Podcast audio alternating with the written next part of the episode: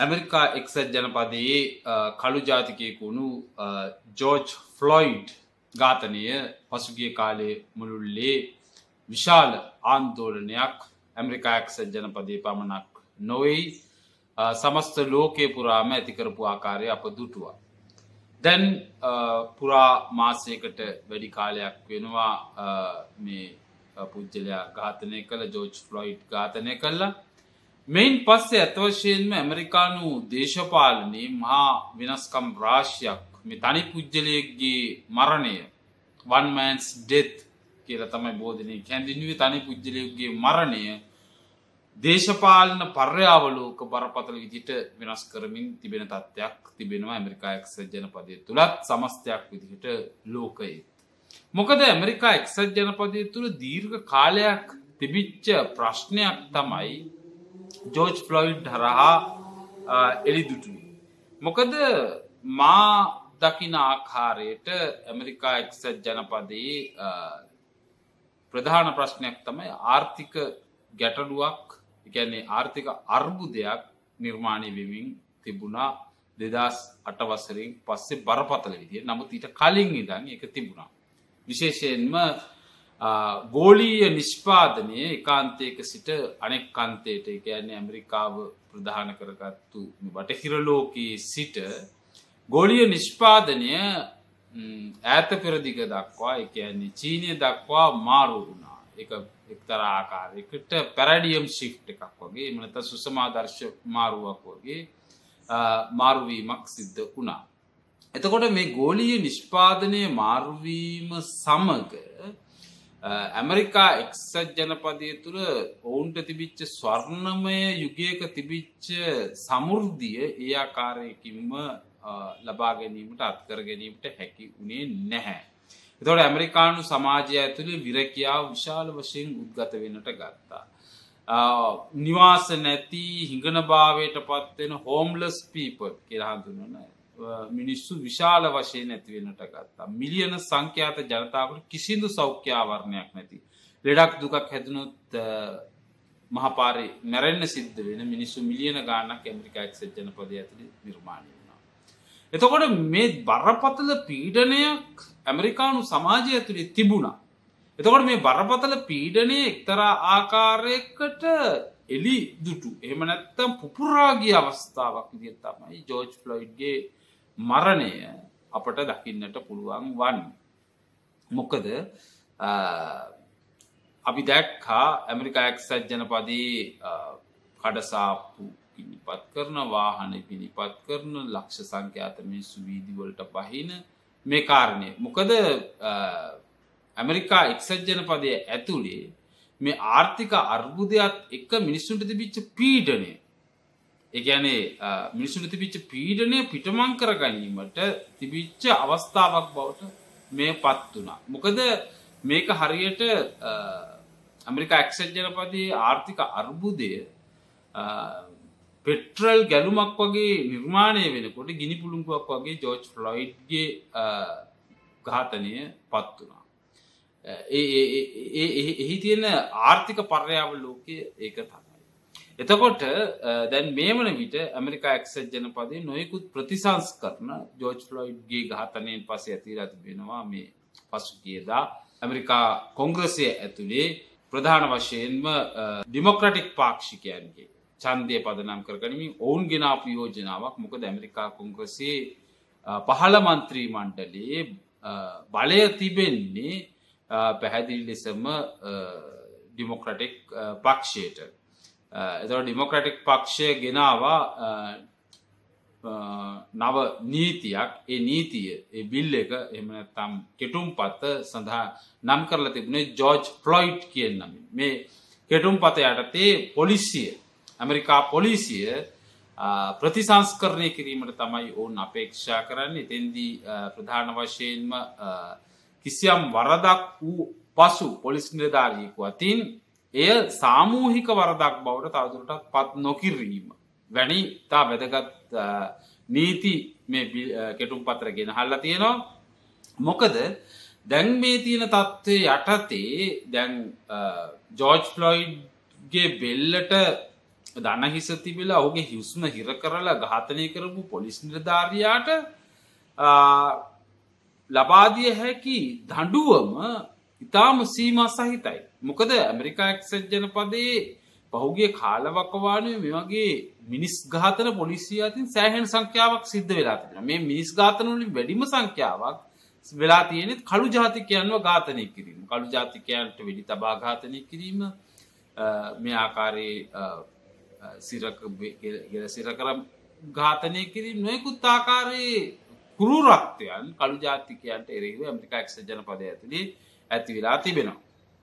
එතකොට මේ කිසිදු අවස්ථාවකදී පර්සනලි රෙස්පොන්සිබල් වෙලා නැහැ කිසිදු පොලිස් නිලධාරියෙකු. සියට අනු නමයක්ම නොන්කන්වික්ටඩ් විදිහට තමයි එගොලන්ට එරෙහිව නීතිය ක්‍රියාත්මක කරලා ඔවුණු වැරදිකරුවන් බවට පත් කිරීමට හැකි වෙලා නැහැ ඇමරිකාය පවතින් නීතියනු දැම් ඒ නීතිය වෙනස් කිරීමට සඳහා තමයි ඩිමොක්‍රටික් පක්ෂය ඇමරිකාක්ෂ ජනපදය කොංග්‍රසේ පහළ මන්ත්‍රී මණ්ඩලයට මේ යෝජනාව ගෙනහලා තිබෙන ඒ සම්මත වුණා.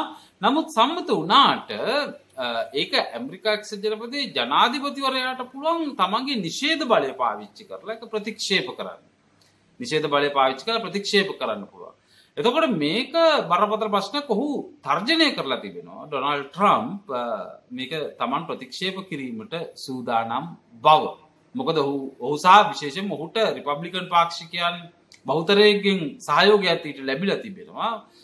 ඔවුන් සඳහන් කරන්නේ මෙයින් අපේක්ෂා නොකරන ආකාරයේ ප්‍රතිඵල අත්වෙනට තියෙන බැවින් මෙය වැලක්විය යුතුයි කියල මේ අලුත් නීතිය. කොහොම වෙත තර වයිට් සුප්‍රීමසි කියන එක එම ඇත්තා සුදුජාතීන්ගේ බලය පිළිබඳ තියෙන විශේෂිත දැක්ම තවමත් රිපබ්ලිකන් පාක්ෂිකයන් ඇතුළේ තිබෙනවා.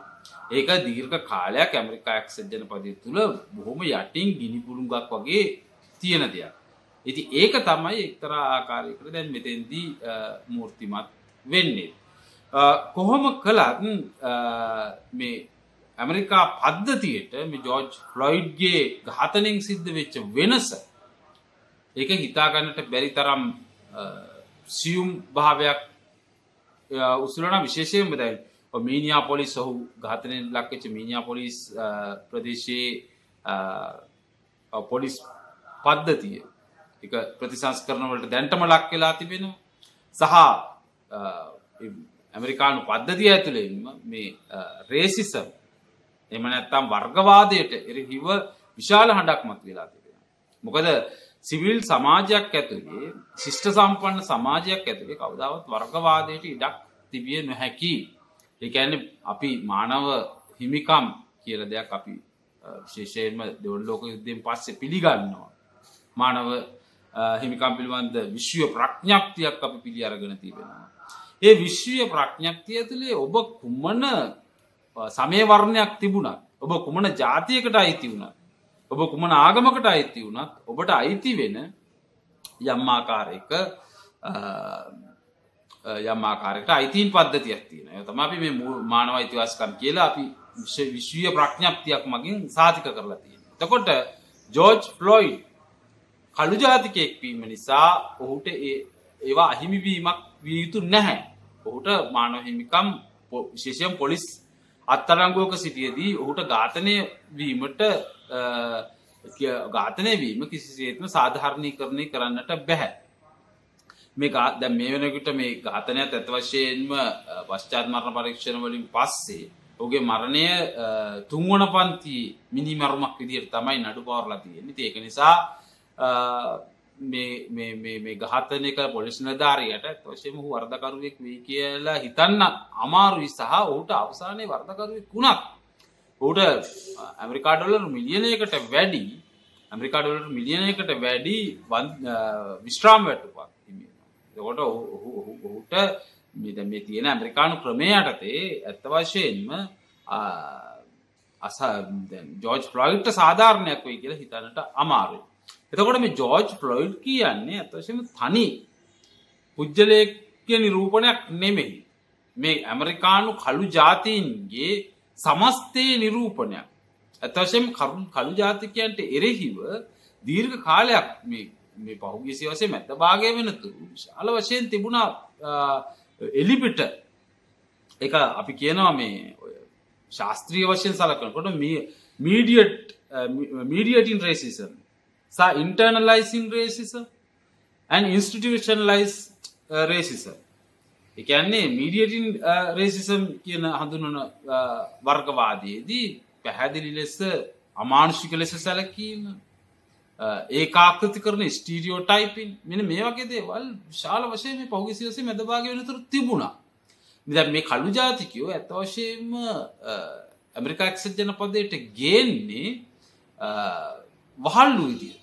වහල් විදියට ශේෂයෙන්ම මධ්‍යම අප්‍රිකාවෙන් සහ බටහිර අප්‍රිකාවෙන් අවුරුදු ගානක් ඇතුළත ගේනවා මිලියන් දොළහකට වැඩි පිරිසක්. මිලියන් දොළහයි දශම අටක් විතර වගේ තමයි දැට ගණම්බල්ල තියෙන විදිට එකන ඓතිහාසික වාර්තාවලට අනුව මිලියන් දොළහයි දශම අටක් විතර.